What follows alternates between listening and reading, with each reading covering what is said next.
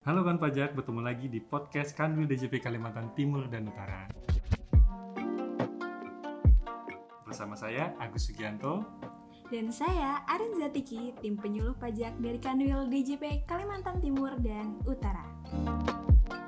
Kali ini kami akan membahas tentang Undang-Undang Harmonisasi Peraturan Perpajakan, biasa disebut Undang-Undang HPP, Dan khusus di podcast ini kita bahas seri PPS atau Program Pengungkapan Sukarela. Kelihatannya pembahasan program pengungkapan sukarela ini menarik banget nggak sih Mas Agus? Pasti tentunya Mbak Arin. Program pengungkapan sukarela atau disebut PPS yang dilaksanakan sejak 1 Januari sampai dengan 30 Juni 2022 ini pemberian kesempatan kepada wajib pajak untuk melaporkan atau mengungkapkan kewajiban perpajakan yang belum dipenuhi secara sukarela melalui pembayaran PPh berdasarkan pengungkapan harta. Sebenarnya ada dua kondisi yang terjadi saat ini. Apa aja tuh Mas? Yang pertama yaitu masih terdapat peserta pengampunan pajak yang belum mendeklarasikan seluruh aset pada saat pengampunan pajak. Peserta atau biasa disebut sebagai peserta TA, baik itu orang pribadi ataupun badan yang belum melaporkan seluruh harta dalam surat pernyataan harta atau biasa disebut sebagai SPH Bila ditemukan oleh Direktorat Jenderal Pajak, akan dianggap penghasilan dan dikenakan PPh final 25% untuk badan, 30% untuk orang pribadi, 12,5% untuk WP tertentu dari harta bersih tambahan sesuai dengan PP 36 tahun 2017 ditambah dengan sanksi 200%. Wah, gede banget ya Mas ya. Tentunya Mbak Rin. Yang kedua, kondisi kedua adalah masih terdapat wajib pajak orang pribadi yang belum mengungkapkan seluruh penghasilan dalam SPT tahunan 2016 sampai dengan 2020. WP OP orang atau disebut orang pribadi ini yang belum melaporkan penghasilan tahun 2016 sampai 2020 sesuai dengan ketentuan akan dikenakan PPh sesuai dengan tarif yang berlaku ditambah sanksi administrasi. Saat ini, Direktorat Jenderal Pajak sudah memiliki data terkait kepemilikan harta yang diperoleh dari pertukaran data otomatis antar negara, data perpajakan dari ILAP, itu instansi, lembaga, asosiasi, dan pihak lain, data dari internal wajib pajak yang belum mengungkapkan seluruh asetnya. Wow, jadi program ini tuh sebenarnya bertujuan untuk meningkatkan kepatuhan sukarela wajib pajak gitu ya Mas ya. Benar Dan sekali. uh, penyelenggarannya itu uh, didasarkan dengan asas kesederhanaan, kepastian hukum, serta kemanfaatan. Seperti itu juga ya Mas Agus ya? Tentunya Mbak Arin. Oke, jadi tadi kan Mas Agus jelasin nih kalau ada dua kondisi, di mana yang pertama itu misalnya orang pribadi dan badan itu ada harta yang belum diungkapkan. Nah, kondisi yang kedua itu kalau wajib pajak orang pribadi memperoleh penghasilan berupa harta di 2016 sampai 2020 tapi belum dilaporin dalam SPT gitu ya. Nah, kebijakannya itu gimana nih Mas Agus?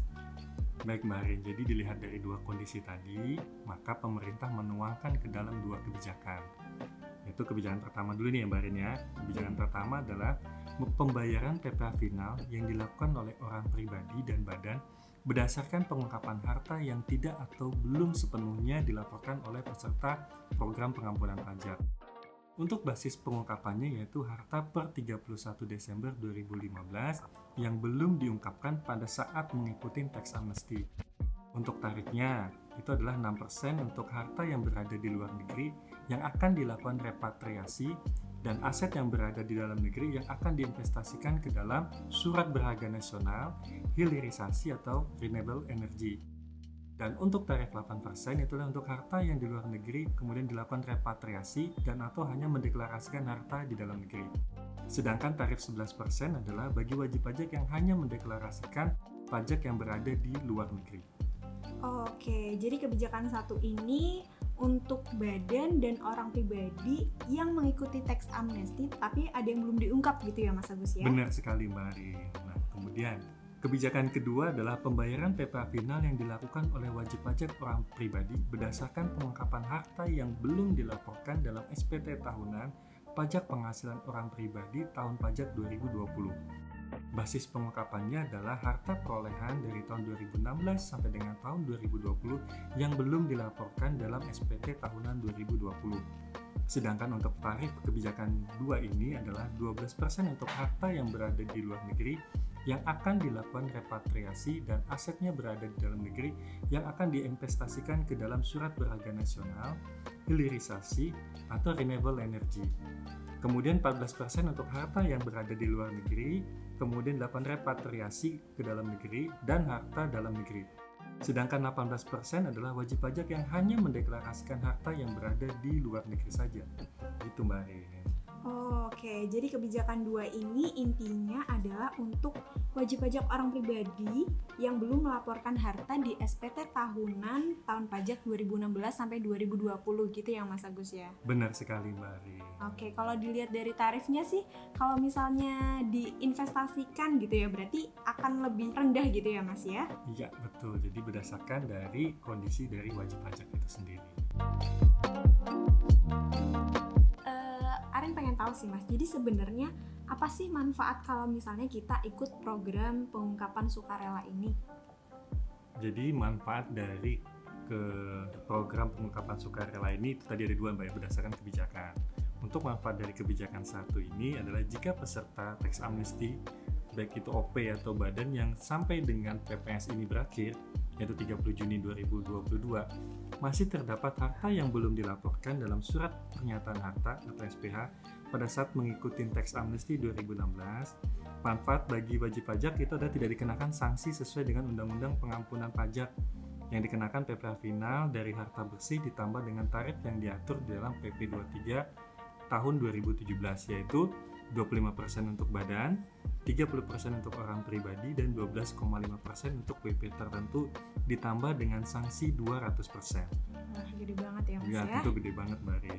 Kemudian untuk manfaat kebijakan dua adalah terdapat harta di tahun 2016 sampai dengan tahun 2020 yang tidak diungkapkan wajib pajak dalam surat pemberitahuan pengungkapan harta atau SPPH tidak diterbitkan ketetapan untuk kewajiban tahun 2016 sampai dengan 2020 kecuali ditemukan harta kurang diungkap.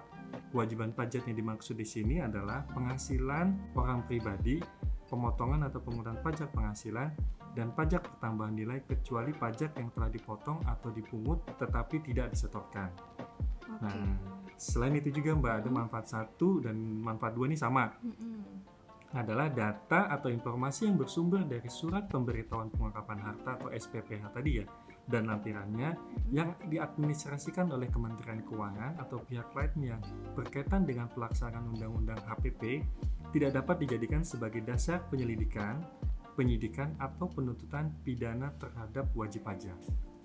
Oke, jadi sangat bermanfaat banget nih ya Mas ya kebijakan satu maupun kebijakan dua dari program PPS ini. Oke, jadi kita udah tahu nih ya Mas Agus ya apa itu PPS, terus manfaatnya, kebijakan-kebijakan sampai tarifnya tadi Mas Agus udah jelasin nih. Nah, kemudian gimana caranya? Belum tahu nih Mas Agus, apakah caranya sama dengan tax amnesty atau ada sedikit berbeda nih? Kalau tax amnesty dulu kan kita harus ke kantor pajak nih. Kalau PPS itu gimana Mas Agus? Hmm, tentunya pasti tidak Mbak Rin. Jadi Oke. kawan pajak yang ikut program ini ya itu menyampaikan surat pemberitahuan pengungkapan harta atau yang biasa disebut SPPH itu disampaikan secara online kepada laman DJP online. Jadi tidak perlu lagi itu datang atau ngantri lagi ke kantor pajak. Kemudian peserta PPS dapat menyampaikan SPPH kedua, ketiga, dan seterusnya sampai dengan periode ini berakhir. Kemudian, jika wajib pajak sudah menyampaikan SPPH, peserta PPS dapat mencabut SPPH dengan mengisi SPPH selanjutnya dengan nilai 0. Jadi dengan angka 0. Oh, gitu. Namun, peserta yang sudah mencabut permohonan dengan nilai 0 tadi, itu tidak dapat lagi menyampaikan SPPH berikutnya sesuai kepesertaannya dicabut. Oke, jadi caranya gampang banget nih ya Mas Agus ya. Cukup dilakukan secara online di laman DJP online. Dan bisa dilakukan beberapa kali penyampaian gitu ya Mas Agus ya. Benar sekali, Mbak Ri. Dan bisa juga diajukan eh, pencabutan permohonan gitu ya. Tapi ingat nih kawan pajak, kalau misalnya udah dicabut, berarti nggak bisa disampaikan lagi gitu ya SPPH-nya ya.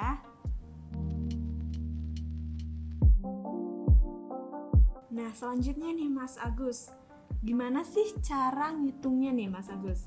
kan Arin misalnya pernah ikut tax amnesty tapi masih ada harta di tahun 2014 yang belum dilaporkan saat tax amnesty tersebut. Nah, rencananya mau ikut PPS nih tahun ini. Nah, itu ngitungnya gimana tuh Mas Agus? Hmm, jadi gini Mbak, jadi dengan kondisi seperti ini berarti Mbak Arin menggunakan kebijakan satu yaitu untuk skema perhitungannya itu gampang sekali Mbak Arin yaitu harta bersih dikalikan dengan tarifnya jadi harta bersih di sini yang dimaksud adalah harta dikurangi dengan hutang yang diatur dalam Undang-Undang Teks Amnesti. Itu paling banyak 50% untuk orang wajib pajak orang pribadi dan 75% untuk harta dari wajib pajak badan. Oh gitu. Ya, jadi Arin punya misalnya contoh nih, Arin punya tanah yang berlokasi di Balikpapan. Mm-hmm. Kemudian dengan nilai NJOP-nya sebesar 500 juta Kemudian sisa utang Arin di tahun 2020 adalah 300 juta. Banyak ya, Mas. Banyak sekali. Maka okay. pertama yang kita hitung ada kita hitung dulu nih harta bersihnya berapa? Yaitu dengan mengurangkan yaitu nilai dari NJP tadi 500 mm -hmm. juta dikurangi dengan pokok utangnya 300 juta sehingga perolehan harta bersihnya adalah 200 juta. Nah, kemudian 200 juta ini kita kalikan dengan harta atau tarif deklarasi dalam negeri sebesar 8%. Jadi PPh final PPS yang mesti disetor adalah sebesar 16 juta. Oh gitu. Jadi uh, tadi hartanya berapa dikurangi sama hutangnya berapa baru nanti dikalikan dengan tarifnya gitu ya Mas Agus ya. Benar sekali Mari.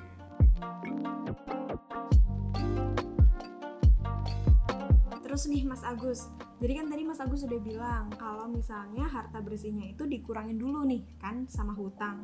Nah, ngomong-ngomong soal hutang dan hartanya, ada nggak sih mas aturannya atau pedomannya terkait nilai harta atau hutang yang bisa diakuin dalam program PPS kebijakan satu ini? Kan bisa aja nih aku ngaku-ngaku utangku segini atau hartaku segini kan bisa aja tuh mas. Benar sekali Mary. Jadi gini, di dalam Undang-Undang HPP dan Peraturan Menteri Keuangan nomor 196 garis miring PMK tahun 2021 dijelaskan pedoman terkait dengan nilai harta dan hutang.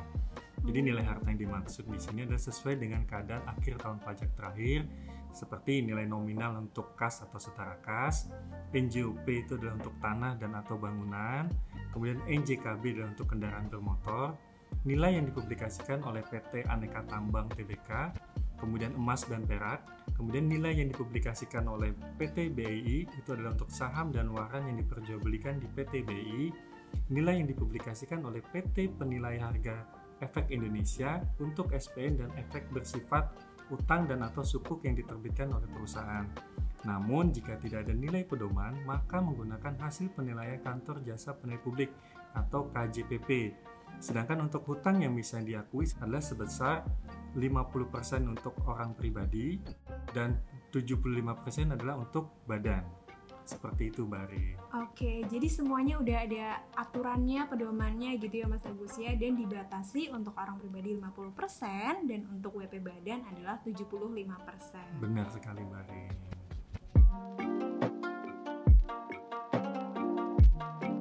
Jadi kan tadi udah dijelasin nih sama Mas Agus tentang harta Arin yang belum diungkapkan setelah tax amnesty. Nah, mau tanya lebih lanjut nih Mas Agus. Boleh, boleh Mbak Arin, silakan Misalnya nih, Papa Arin itu punya apartemen di Singapura yang baru dibeli di tahun 2018 senilai 1,5 miliar.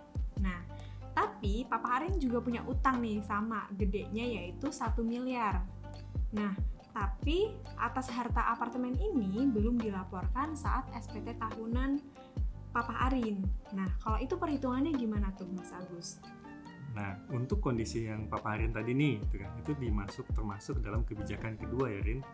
Nah, karena harta tersebut diperoleh antara tahun 2016 sampai dengan tahun 2020.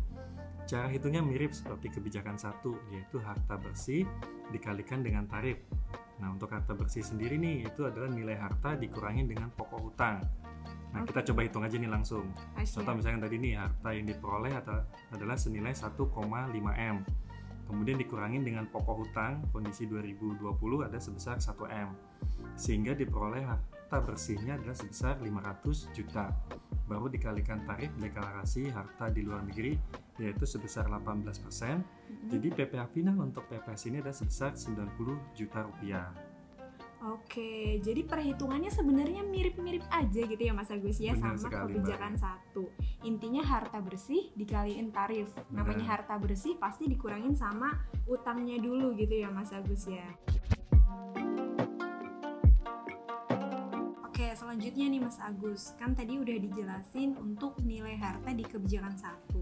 Nah, kalau untuk di kebijakan dua sendiri ada pedoman atau aturannya nggak sih Mas Agus? Hmm, jadi gini Bari, untuk harta yang terkait dengan kebijakan satu sama kebijakan dua ini berbeda Mbak Rin. Oh beda. Ya, jadi dalam kebijakan dua ini adalah nilai harta yang dimaksud adalah nilai nominal itu untuk kas atau setara kas. Kemudian untuk harga perolehan untuk selain kas atau setara kas.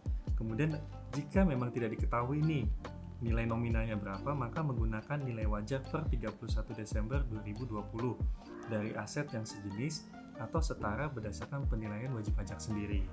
Oke. Ya. Kemudian saya tambahin Mbak, untuk syarat pengajuan kebijakan dua ini adalah wajib pajak harus ber-NPWP dulu. Oke. Kemudian nanti harus membayar PPh final. Kemudian menyampaikan SPT tahunan wajib pajak orang pribadi untuk tahun pajak 2020. Namun apabila misalkan wajib pajak tersebut belum melaporkan SPT tahunan 2020, maka harus melaporkan dulu SPT tahunannya dengan mencantumkan harta SPT sebelum tahun 2020 ditambah dengan harta dari penghasilan tahun 2020.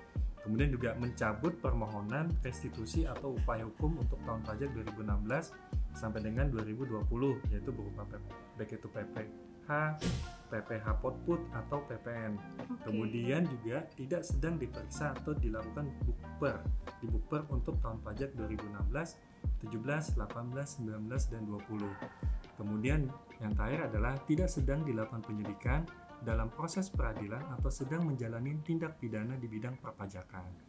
Oh gitu. Jadi sebelumnya agak beda pemahaman ternyata ya Mas Agus ya kalau ternyata di nilai harta kebijakan satu dan kebijakan dua ini agak berbeda gitu ya. Nah Benar kemudian untuk ada syaratnya juga gitu ya Mas Agus ya untuk wajib pajak yang sedang diperiksa atau dalam proses bukper untuk tahun 2016, 17 sampai 2020 itu tidak bisa mengikuti kebijakan ini gitu ya Mas ya. Ya, tepat sekali, Mbak Ari. Lagi-lagi nih Mas, boleh nanya-nanya lagi nggak? Hmm, boleh nggak ya? Hmm, boleh deh, boleh deh. Boleh dong. ya. Oke. Jadi Arin mau nanya nih, misalnya Arin sudah melakukan eh, pengajuan SPPH atau surat pemberitahuan pengungkapan harta. Tapi ternyata ada harta Arin yang lupa untuk diungkapkan. Lupa nih ceritanya, namanya juga manusia ya Mas Ya. ya. Nah, itu gimana? Bisa ngajuin lagi nggak tuh Mas? Ya jadi gini mbak, misalkan hari ini ya lupa pada saat menyampaikan SPTH yang pertama, aduh kayaknya lupa nih, ternyata ada harta, harta yang belum disampaikan. Nah itu bisa mengajukan SPPH, bisa dua kali, ketiga dan seterusnya sampai berakhirnya program ini. Oke. Nah, Kemudian jika dalam pengajuan kembali tadi nih terdapat kekurangan bayar, Mm-mm. maka ya dilakukan dulu pembayarannya kan gitu. Oke. Namun jika nanti pengajuannya ternyata mengurangin atau misalnya terjadi kelebihan setor, maka atas kelebihannya tadi dapat diminta kembali atau bisa dilakukan pemindah bukuan.